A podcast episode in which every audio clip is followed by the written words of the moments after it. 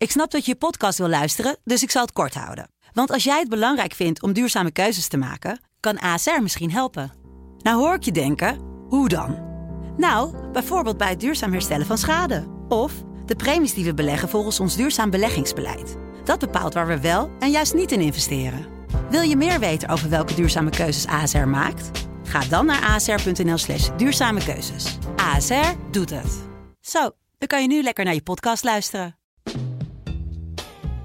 Zo doet zij dat, de podcast van Vrouw. Mariket Hart en Sabine Leenhout zijn vrouw-vrouwen van het eerste uur. Maar hoe doen zij het eigenlijk? Met vuurwerk. Ruzie maken gaan we het over hebben. Leuk. Ja. Ook op vakantie. Ook op vakantie. Jij bent net op vakantie geweest. Ja, Met je zonder man. ruzie. Geen enkele keer Geen. ruzie gehad? Nee, geen enkele keer. Nee. Fijn. nee, maar wij hebben eigenlijk wel heel weinig ruzie. Met Ja? mijn ex-genoten had ik altijd knetterende Oh ja? ruzie. Ja, dat was, eh, dat was vuurwerk op alle vlakken. Ik dacht altijd dat ik dat het leukste vond eh, wat er was. Dat je zo'n broer-zus relatie, die, eh, die wilde ik niet. Dus het moest knetteren in bed. En, maar ja, dat betekent ook dat het daar buiten eh, wel knetterde. En uiteindelijk bleek ik daar helemaal niet zo blij van te worden. Nee, dat is niet leuk als je vaak ruzie hebt. Af en toe kun je het natuurlijk niet met elkaar, eh, ergens niet met elkaar over eens zijn. We hebben net de verbouwing achter de rug, hadden we ook wel eh, af en toe eh, een kleine woordenwisseling over. ja. ja, verbouwingen zijn natuurlijk, die staan wel bekend om hun hoge knettergehalte. Ja. Ja, zeker. Je bent moe, je bent geïrriteerd. Dan moet je in het weekend ook nog eens gaan klussen naast je gewone werk. ja, zeker. Ja, nou, Ja. Jeroen is een heel stuk perfectionistischer dan ik ingesteld. Ik vind het al gauw goed. Ja, ja Maarten ook. Met klussen dan, hè? met mijn werk heb ik dat helemaal niet.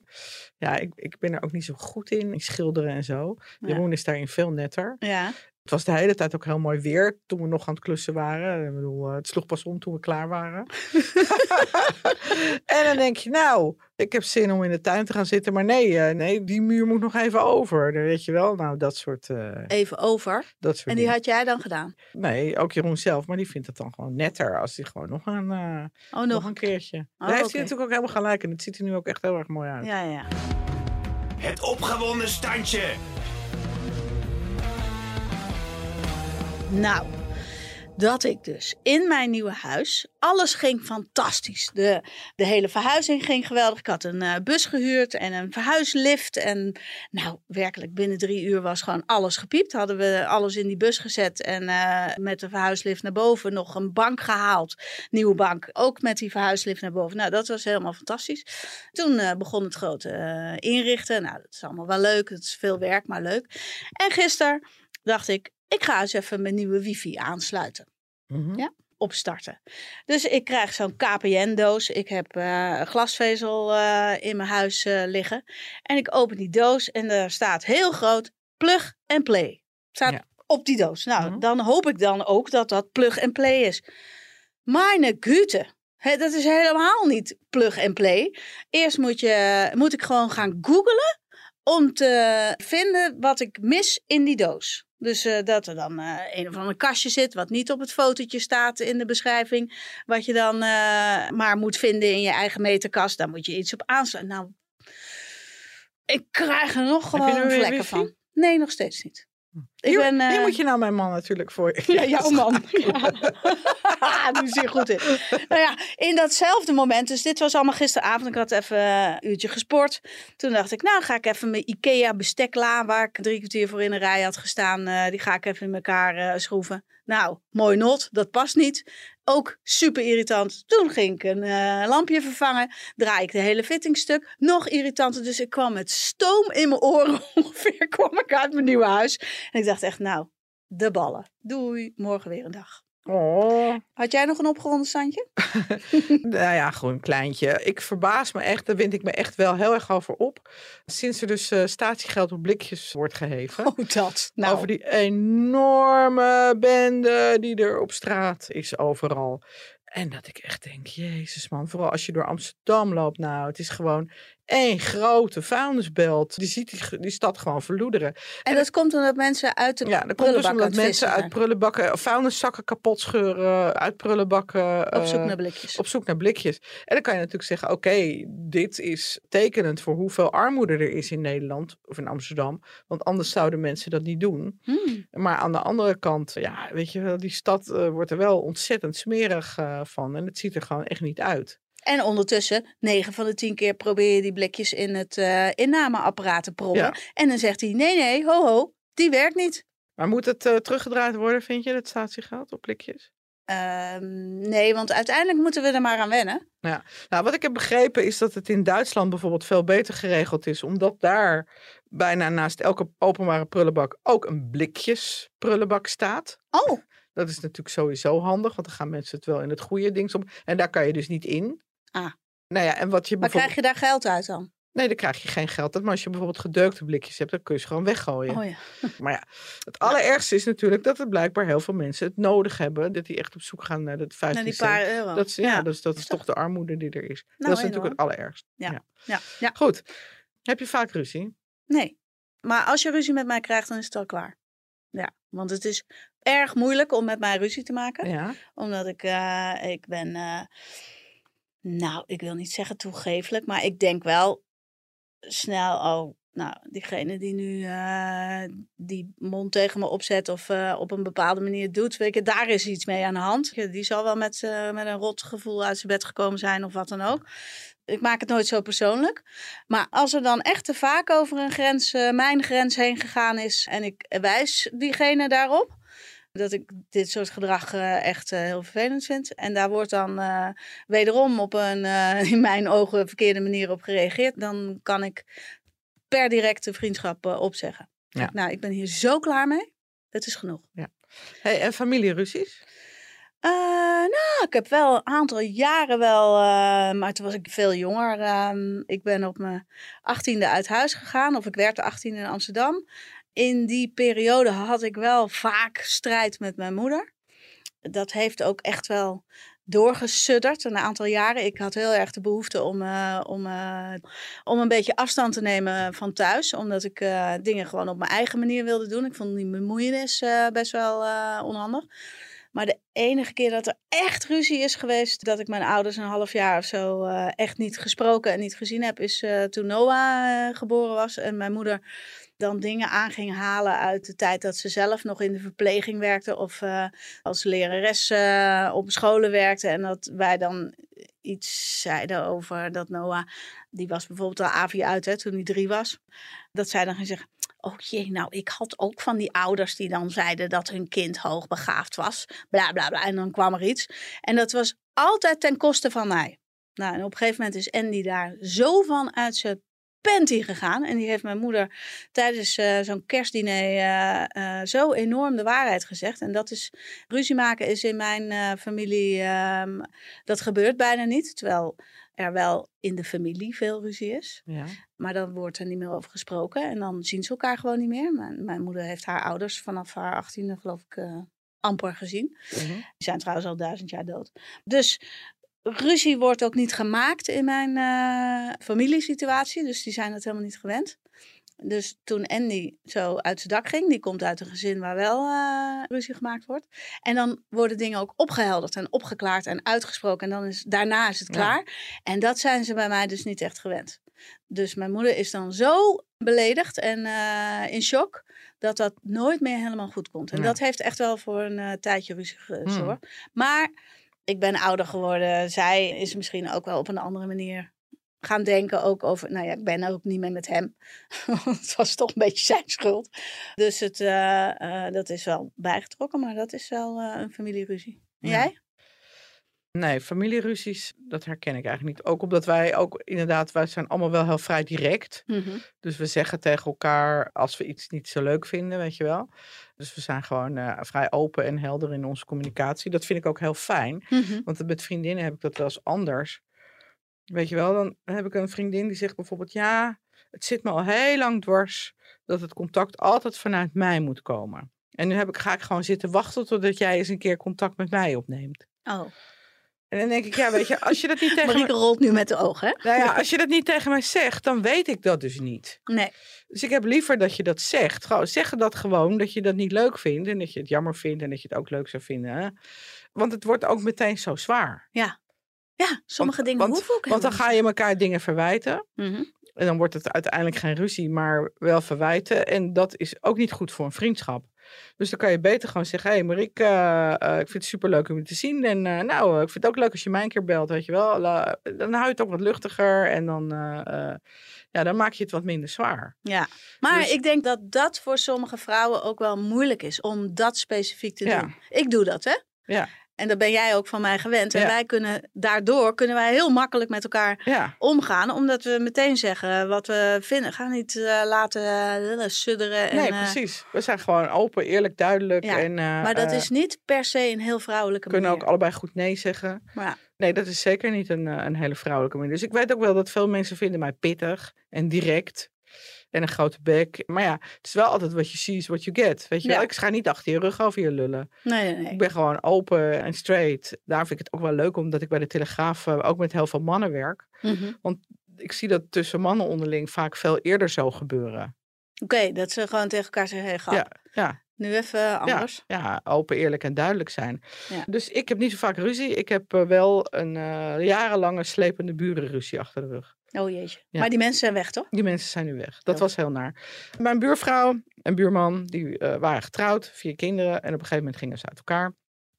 Niks aan de hand. Toen kreeg zij een nieuwe vriend. Dat was precies de tijd dat ongeveer corona eh, kwam. Mhm. Dus die moesten wij thuiswerken en die buurman die ging het hele huis eh, opknappen. Dus de hele dag, het was midden, het was prachtig weer in de zomer van 2020 en het voorjaar.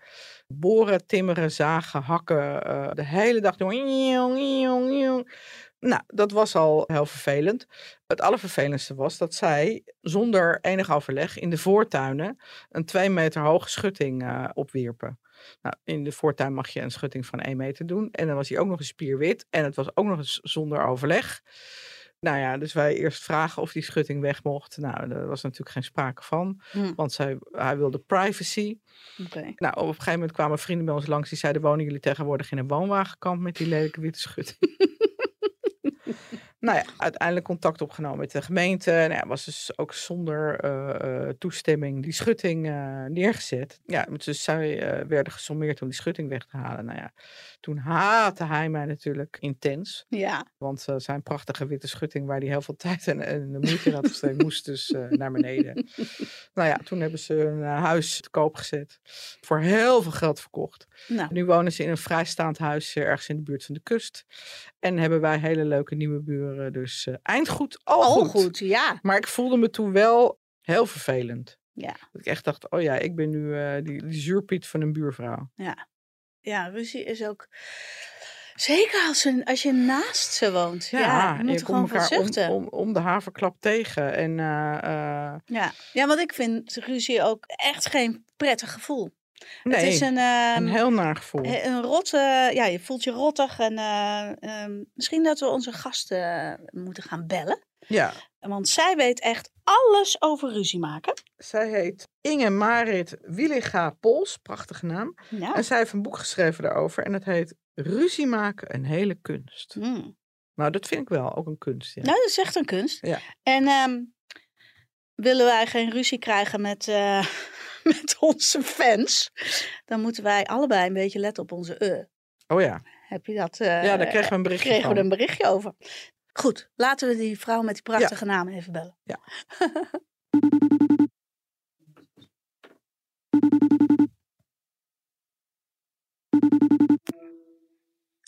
Ja, met Ingrid Williga.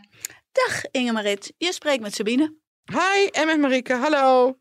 Jij hebt het boek eh, Ruzie maken, een hele kunst geschreven. Klopt. En hoe kwam je op dat idee?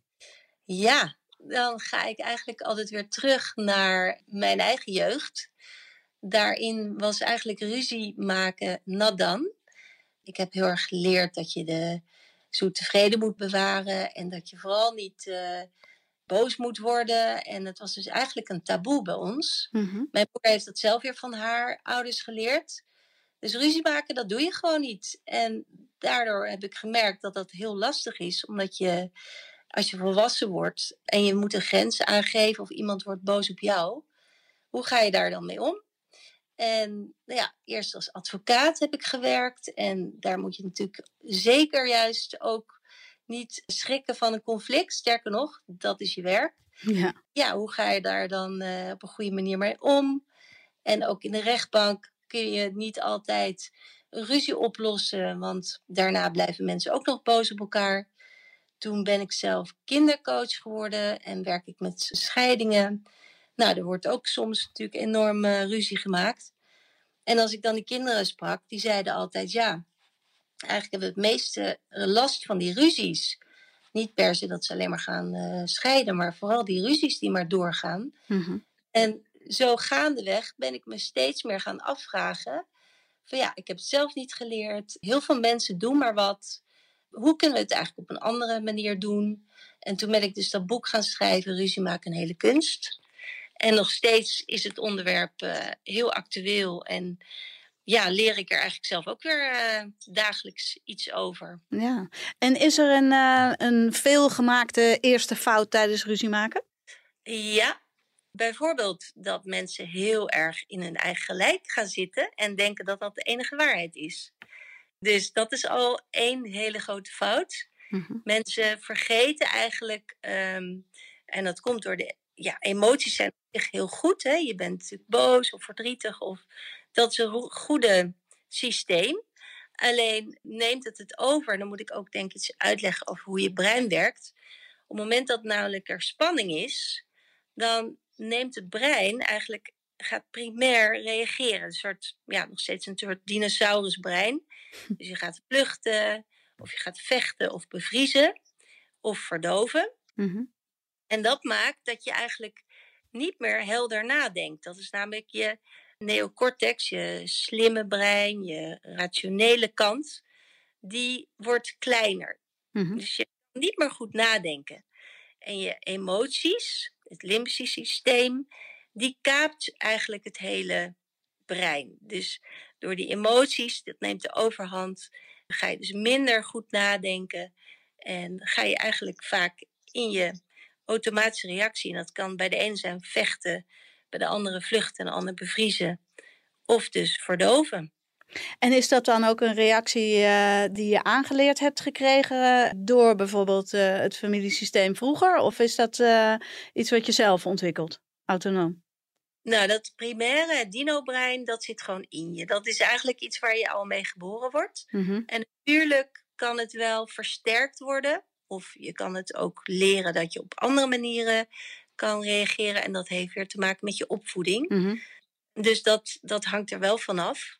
Maar ja, als je natuurlijk van jongs af aan zelf ouders hebt die ook heel erg gaan vechten of, of heel erg een bepaalde reactie hebben, mm-hmm. dat versterkt het wel. Ja, ja, ja, Dus als je dat voorbeeld hebt van ouders die er voortdurend tegen elkaar schreeuwen, ga je dat misschien zelf ook eerder doen. Ja, of zoals bij mij vermijden. Hè, daar begon ik mee. Ja. Dus ik ook gaan aanleren om het maar te blijven vermijden. Ja. Tot een bepaalde leeftijd denkt, hé, hey, dat werkt eigenlijk dus niet handig. Ja. Maar als je nou iets dwars zit aan je partner, hoe kan je hè, bijvoorbeeld uh, laat dat het alles achter zich slingeren, noem maar wat. Hoe, hoe los je dat dan op? Nou ja, wat natuurlijk grappig is, vaak zijn het kleine dingen waar ruzies door ontstaan. Hè? Uh, dus inderdaad, het voorbeeld van iets laten slingeren of de afwasmachine niet uitruimen het eigenlijk belangrijk is om te snappen dat het eigenlijk voor iets anders staat. Namelijk, zie je wel wat ik doe? Waardeer je mij wel genoeg? Of heb je eigenlijk wel genoeg verbinding de laatste tijd? Heb je wel genoeg samen gedaan? Dus als je dus irriteert over iets kleins, is het belangrijk om te weten waar komt het eigenlijk vandaan? En ja, hebben we nog wel genoeg um, verbinding gemaakt? Hebben we nog wel leuke dingen die we doen? Mm-hmm. En ja, voor het weet ga je natuurlijk ruzie maken over dat ene ding wat er ligt. Maar eigenlijk uh, zou het belangrijk zijn om te gaan kijken van... hé, hey, wat gebeurt hier nu tussen ons? En kunnen we het eens over hebben van... ja, merk je dat dit eigenlijk vaker gebeurt? En wat hebben we eigenlijk voor behoeftes? Is het erg om ruzie te maken met je partner waar de kinderen bij zijn? Nou, heel lang hebben we dat gedacht. Maar er zijn inmiddels onderzoeken naar dat het eigenlijk juist goed is dat kinderen juist leren om daarmee om te gaan. Omdat je eigenlijk kinderen laat zien van oké, daar is een. Uh, hè, het is ook natuurlijk wel belangrijk, wanneer is het nou een ruzie? Hè? Heel vaak zeggen we natuurlijk wel, is een conflict. Is eigenlijk gewoon puur dat je allebei een verschillend belang hebt. Mhm. Wat samen gaat. Een ruzie wordt het pas op het moment dat je echt elkaar iets niet meer gunt. Of dat je elkaar niet meer serieus gaat nemen. En ook dat moeten kinderen leren dat dat kan gebeuren. Want dat, dat gebeurt overal. Dus het hoort erbij. Alleen het verschil tussen een conflict. Je legt allebei belangen op. Je komt er, gaat onderhandelen komt eruit. Het mooiste is dat ze dat natuurlijk ook leren. Maar dat ze ook leren dat als het een ruzie wordt, dus eigenlijk een uit de hand gelopen conflict, dat je daar ook weer uit kan komen als je maar erop terugkomt. Of dat je zegt, maar ja, ik heb het gewoon niet handig gedaan. En dat je dus niets kan repareren. En dat laatste vergeten heel vaak ouders. Maar als je het gaat repareren, dan is het voor kinderen een supergoeie levensles. En wat natuurlijk wel zo is, je moet natuurlijk niet dingen die heel persoonlijk tussen de twee partners zijn, uitgaan en zitten vogelen als je kinderen daarbij zijn. Want dan komen ze in een loyaliteitsprobleem. Dan hebben ze het idee dat ze moeten kiezen. Terwijl dat is niet iets waar de kinderen iets aan hebben. Hm. Sterker nog, daar hebben ze echt last van. Dat snap ik. Maar een ruzie, we gaan naar de stad of we gaan uh, naar, naar het strand. Dat is een hele mooie manier om te leren van hé. Hey, en ook dat het uit de hand loopt, dat ze daarmee omgaan. Hm. We hadden het er net ook wel over ruzie met een vriendin. Dat, dat veel vrouwen onderling vaak niet heel confronterend zijn. Dus stel je hebt een vriendin en er is iets wat je dwars zit aan haar. Hoe kan je dat dan het beste bespreken? Nou, wat altijd in vriendschappen, en dat geldt natuurlijk ook met partners, maar het is gewoon heel belangrijk als iemand echt jou iets waard is, de vriendschap jou iets waard is, dan ga je juist moeite doen om het weer bespreekbaar te maken. Dus stel je zou zeggen, want ik merk dat ik dit heel lastig vind, maar is het oké om even iets lastigs met jou te bespreken? Dan vraag je dus eigenlijk ook toestemming aan de ander. Wie weet zegt die ander, nou, daar zit ik nu helemaal niet op te wachten. Kun je zeggen, nou, wanneer zullen we het daarover hebben? Nou, dan spreek je op een bepaald moment af. Of ze zegt, nou, brand maar los.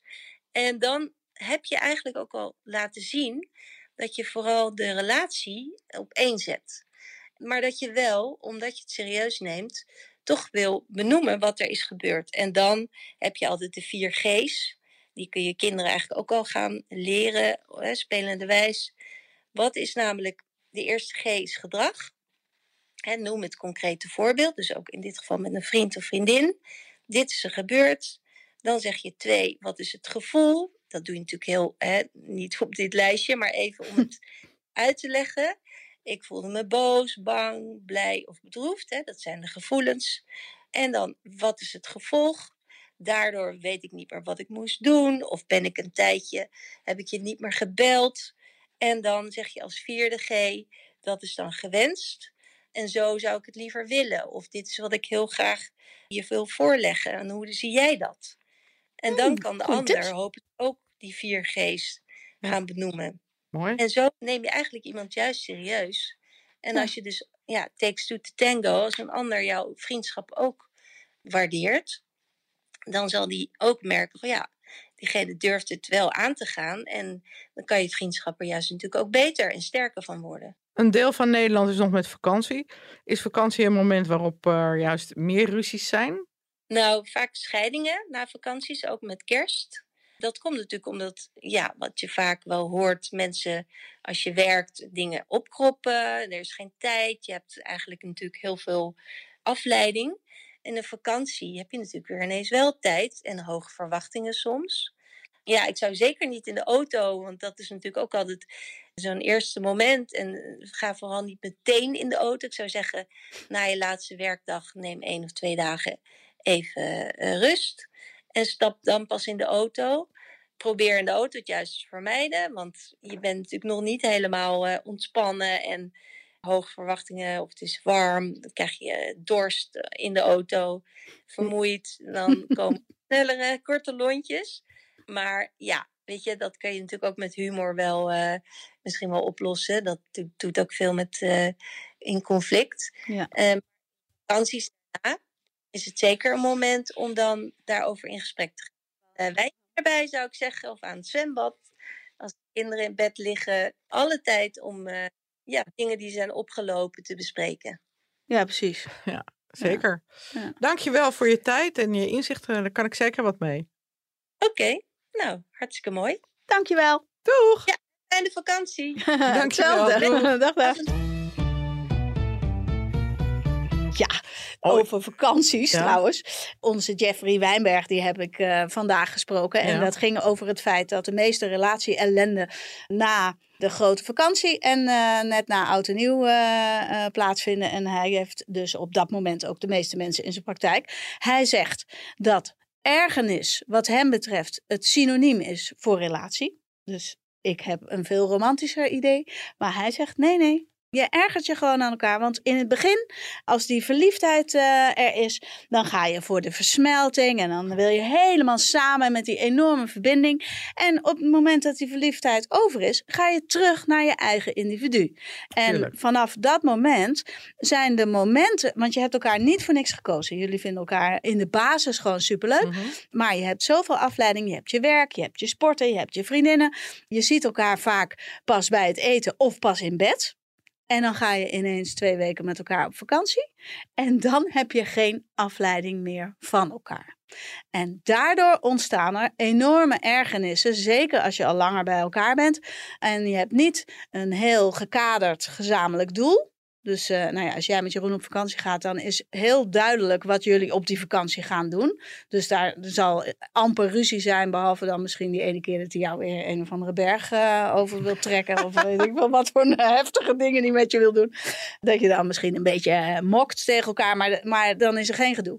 Maar voor mensen die, eh, die dus eh, Twee weken voor de tent zitten. voor de tent zitten. En dan gaan machtsverhoudingen spelen altijd op. Want dan zegt zij, kom, we gaan even daar en daar naartoe. En hij denkt, jezus, laat me met rust. Dat wil Mhm. ik helemaal niet. Jeffrey, je raadt dus aan. Die zegt, nou, als je dus op zo'n vakantie bent en je wil dit voorkomen. Zorg dan dat je ook tijdens een vakantie af en toe afleiding van elkaar hebt. Dus ga jij met de kinderen even lekker naar het zwembad. En laat je vrouw eh, voor de tent zitten. Of eh, duik gewoon even lekker twee uur in je boek of in je internetverbinding. Of eh, nou ja, whatever. Mhm.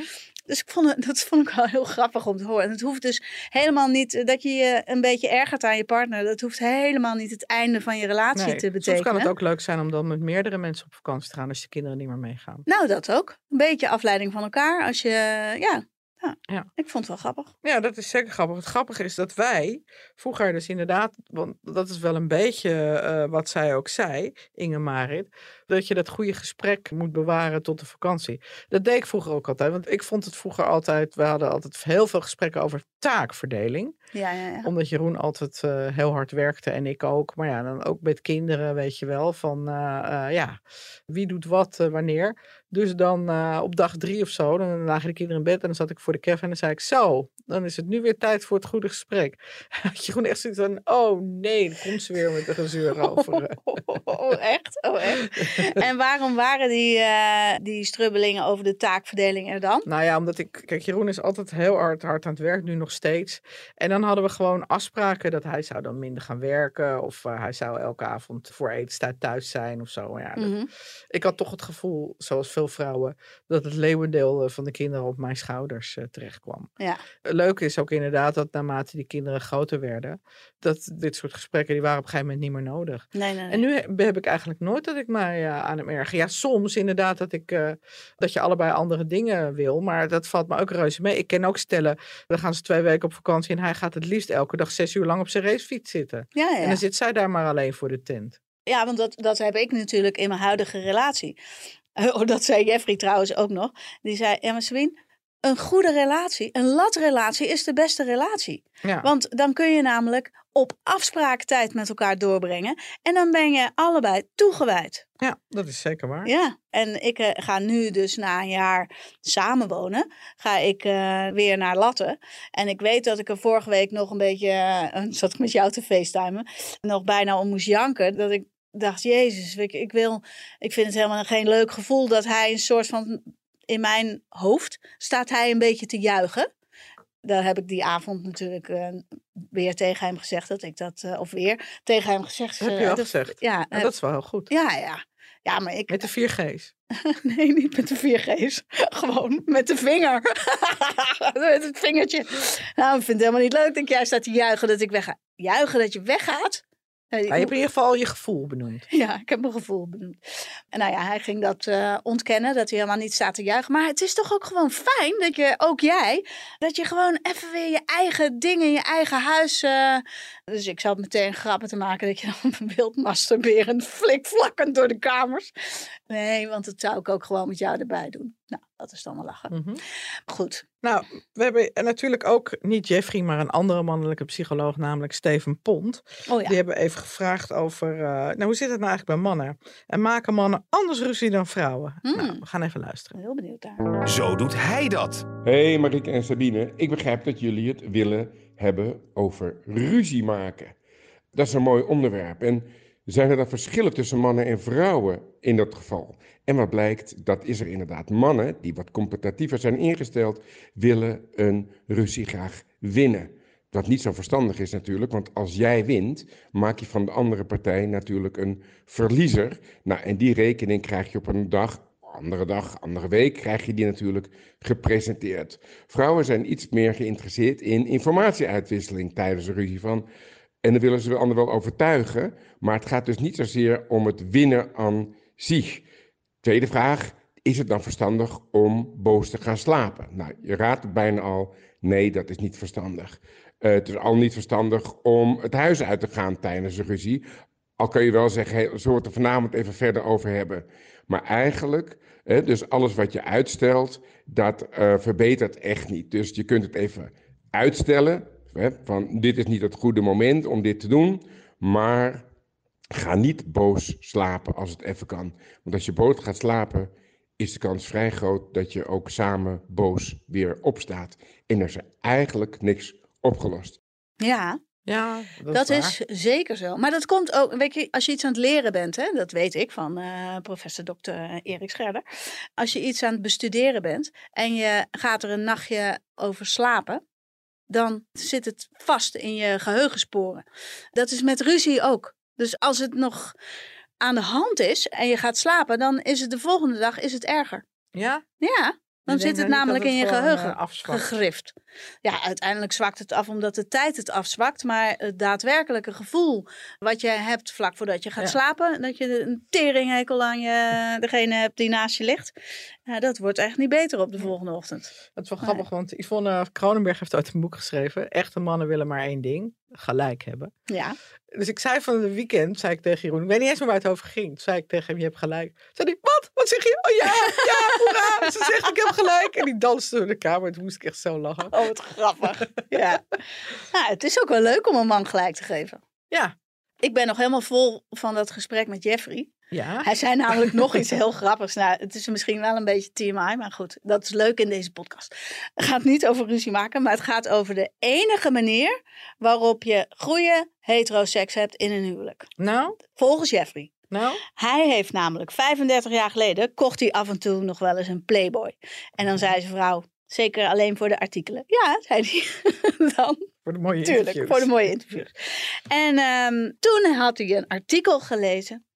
How to have sex with a woman and have her back for more. Dat was de titel van het artikel. En dat ging erover dat als je met een vrouw naar bed gaat, dan ga je er gewoon voor zorgen dat zij allereerst volledig aan haar trekken komt. Dus je gaat zorgen dat ze minimaal één keer klaarkomt, misschien wel meerdere keren. Mhm. En daarna ga je voor je eigen genot. Daar word je zelf, dat zegt hij, hè? daar word je er zelf blijer van. Die vrouw die denkt, eh, nou heerlijk, de enige kans die erin zit, want dat doe ik natuurlijk wel eens. Zeg ik, ben ik zelf klaar. Dan zeg ik, nou, dat is lekker. Ik ga gewoon niet meer verder. Ja. Ik wil slapen. Maar daarna gaat die man dus eh, verder. En dat is echt eh, het recept voor een goed en geslaagd seksleven. Waar allebei de partijen iedere keer opnieuw zin in hebben. Daar kan ik me ook weer iets bij voorstellen. Want eh, zonder iedereen naar een andere podcast te jagen, heb je de podcast Lust eh, van. Jacqueline van Lieshout wel eens Ja. Nou ja, ja. Dat gaat dus over een vrouw van eh, 48, Ja. die dus pas is gescheiden en op zoek is naar haar lust. En die dus heel erg veel date met eh, jongere tot veel jongere mannen. Ja. En daar heeft ze ook een, een coach met wie ze ehm elke Kru. week een gesprek krijgt. Ja, Kru, heel grappige naam met een Q. Wat hij dus ook vertelde is inderdaad dat jongens leren dus uh, veel eerder masturberen dan meisjes. Omdat jongens natuurlijk die piemel hebben, uh, ja, die zich gewoon aanraken. En voordat zij daadwerkelijk seks hebben, als ze gemiddeld 18 zijn, hebben ze dus al 15 jaar hebben ze kunnen oefenen met hun piemel. Ze kijken heel veel porno, ze hebben heel veel fantasieën. En dat eindigt altijd met zijn orgasme. Mm -hmm. Dus hij is gewend 15 jaar lang dat het om zijn orgasme draait. Vrouwen daaraan tegen wordt ook heel vaak geleerd dat het om zijn orgasme is. In films zie je dat ook heel vaak, weet je wel. Er komt een beetje voorspel en dan is de daad. En uiteindelijk is de vrijpartij... En dan ligt zij te kreunen ja, als ja, een malle. Precies. Nou, ik ken weinig vrouwen ja. die daar alleen maar nou, En dan hoor. is de vrijpartij achter de rug zodra hij is klaargekomen.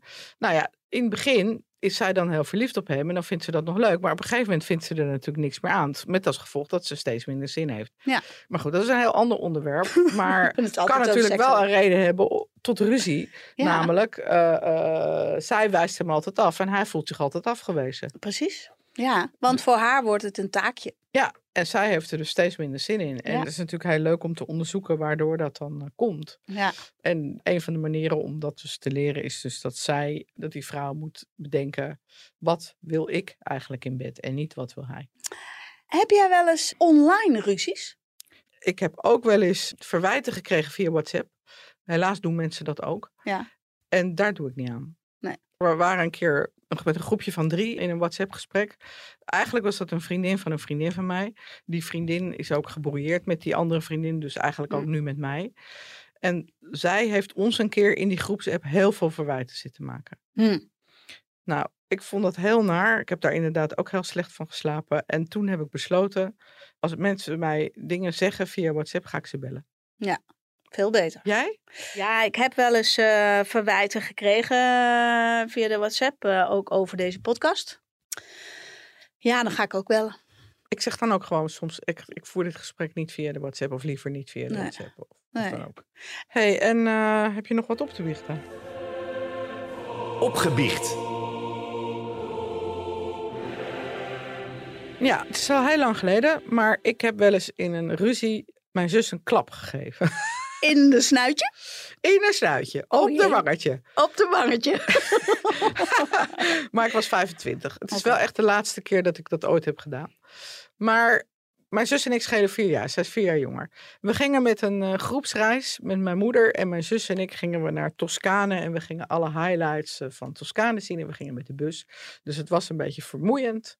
En mijn zus en ik zaten naast elkaar. En weet je, dan krijg je, dat heb je, jij hebt ook een jonger zusje. Mhm. Dus mijn zus die kon dan altijd, was het vroeger zo, dan hadden wij een meningsverschil. En dan, dan was ik degene die fel was en mijn zusje kon dan een beetje zitten zuigen.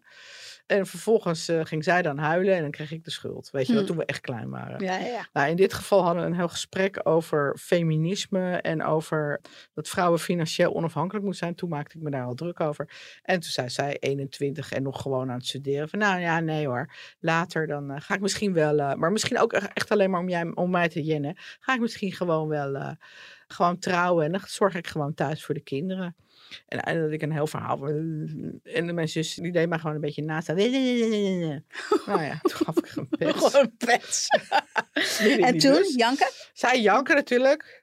mama roepen. Mijn moeder zei heel verstandig. Hier bemoei ik me niet mee. En toen ging ze ergens anders zitten. Inmiddels, om even de luisteraars eh, gerust te stellen, ga ik elk jaar met mijn zus op vakantie. Ja. En hebben we het altijd super gezellig. En is mijn zus een van mijn allerbeste vriendinnen. Oh. En dit, heb ik, dit heb ik nooit meer gedaan. Ik denk daarna überhaupt nooit meer iemand geslagen. Ik heb mijn kinderen ook nog nooit een klap gegeven. Jij? Nee, ik heb kinderen nog nooit geslagen. De enige eh, die ik geslagen heb zijn mannen. Twee. Eén keer mijn ex-genoot en één keer een, eh, echt ook duizend jaar geleden, een vriendje wat eh, stond te bekken met een kennis van mij. En Ja. toen? Ja, dat was echt wel een vervelende situatie. Het was weliswaar carnaval, maar ik had al een paar maanden verkering met hem. Ik was eh, 17, lang geleden. 17 en eh, ik was ook met hem naar bed geweest en eh, nou, we hadden gewoon een relatie. Ik ging met een vriendin eh, in Eindhoven carnavallen en toen, dat was hartstikke leuk. En toen dachten we, nou weet je wat, we gaan nog even in Weert kijken. Toen zijn we met de trein naar Weert gegaan. En toen merkte ik al het een en ander toen ik over de, de Oelemarkt, heet dat, het uitgaansplein in, in Weert. En daar zat ook ons stamkroegje, de Vijzel heette dat toen. Kwam ik al wat mensen tegen die ik kende buiten. En die eh, zeiden, oh, ga jij naar de Vijzel? Ja, oh, hmm, Martijn is er ook. Oh, oh, leuk. Nou, dus ik uh, kom daar binnen. Nou, ik leek wel Mozes toen ik binnenkwam. Ging Oh. gewoon zo'n halve kroeg. Ging een beetje, gingen de mensen aan de kant. Nou, in zo'n carnavalscafé, moet je nagaan. En ja hoor, stond hij daar gewoon, gewoon aan het eind van de bar tegen de muur met eh, Jessica heette ze. Stond hij te bekken. En ik, nou, what the fuck? En was het toen Ehm, uit? Nou, daarna heb ik het wel uitgemaakt. Maar toen ben ik er naartoe gelopen. En toen tikte ik hem op zijn schouder. En toen keek hij zo heel geïrriteerd om. Want al zijn vrienden hadden hem namelijk ook al gezegd... Jezus Stijn, waar ben je mee bezig? Je, je hebt gewoon verkering. Met een veel leuker wijf dan eh, waar je nu mee staat te tongen. Dus hij keek geïrriteerd om. Nou, hij keek meteen in mijn vuist. Pof, op zijn grote neus. En toen? Nou, ik naar de wc met, me, met de vriendin met wie ik eh, in Eindhoven was gaan stappen. Boe, een beetje janken. En toen ging zij tegen mij zeggen: Jezus, Sabine, die klootzakken is het toch allemaal helemaal niet waard. Kom, we gaan bier drinken. En eh, toen ben ik weer naar buiten gegaan. Nou, toen ging hij nog: Sorry, sorry, sorry. Ik zeg: Flikker toch op, man. Superleuke avond gehad. Dus eh, zo kan het ook. Super. Ja. Hey, en heb je nog een kijktip voor ons? De Zo Doet Zij Dat kijktip. Ja, ik ben bang dat ik hem al een keer genoemd heb, maar hij past zo goed in het thema. En dat is Beef. En het is op Netflix te zien. En dat gaat dus over een ruzie tussen twee mensen. Nou, echt heerlijk. Ja? Ja, ik vond het zo'n gave serie. Beef. Beef. Oké. En beef betekent ook ruzie, hè? Je hebt Ik ken beef met niet, iemand. dus eh, leuk. Superleuk. Ik ben op dit moment weer aan het kijken naar eh, de serie Knokken Of. Lekker midden in de zomer. Die speelt zich af in Knokken. Het gaat over eh, jongeren. Rijke jongeren die daar op vakantie zijn. Rijke Belgische jongeren. Maar dan komt een Nederlandse jongen. Die heet Daan. Met zijn moeder Anna Drijver. En die komen daar kamperen. En ja, Daan en Alex... Die hebben een oogje op hetzelfde meisje. Oh. Dus eh, dat wordt meteen... Ruzie. eh, ruzie! Heerlijke Heerlijk. vakantieserie. Oké, leuk. Dus Ja. ik krijg ook zin om naar knokken te gaan. Ben ik nog nooit geweest. Oh, ik ben er wel eens geweest, ja. Het is, het is wel leuk, hoor. Ja, het ziet er leuk Knokken. uit. Nou, ik ben Ja. heel benieuwd. Nou, Nou, ik vond het wel weer een grappige uitzending. Ik ook. Ruzie. ruzie. Ja. Ja. Goed. Dank voor het luisteren. Tot de volgende keer. En als mocht je vragen hebben of zeggen we te veel eh, dan kan je ons altijd een berichtje sturen via de Instagram-account van Zo Doet Zij Dat. Ja, ook als je je wil bemoeien, dan eh, vinden we dat ook grappig. Als Ja. je met het onderwerp wil bemoeien, of je hebt er zelf wat over te Ja. zeggen. Of, eh, Of als je andere onderwerpen hebt waarvan je heel graag wil dat wij die een keer bespreken. Dat kan oh, dat is ook leuk. Ja. Ja? Nou, kom maar door. Dank nogmaals. Doeg! Dag, dag.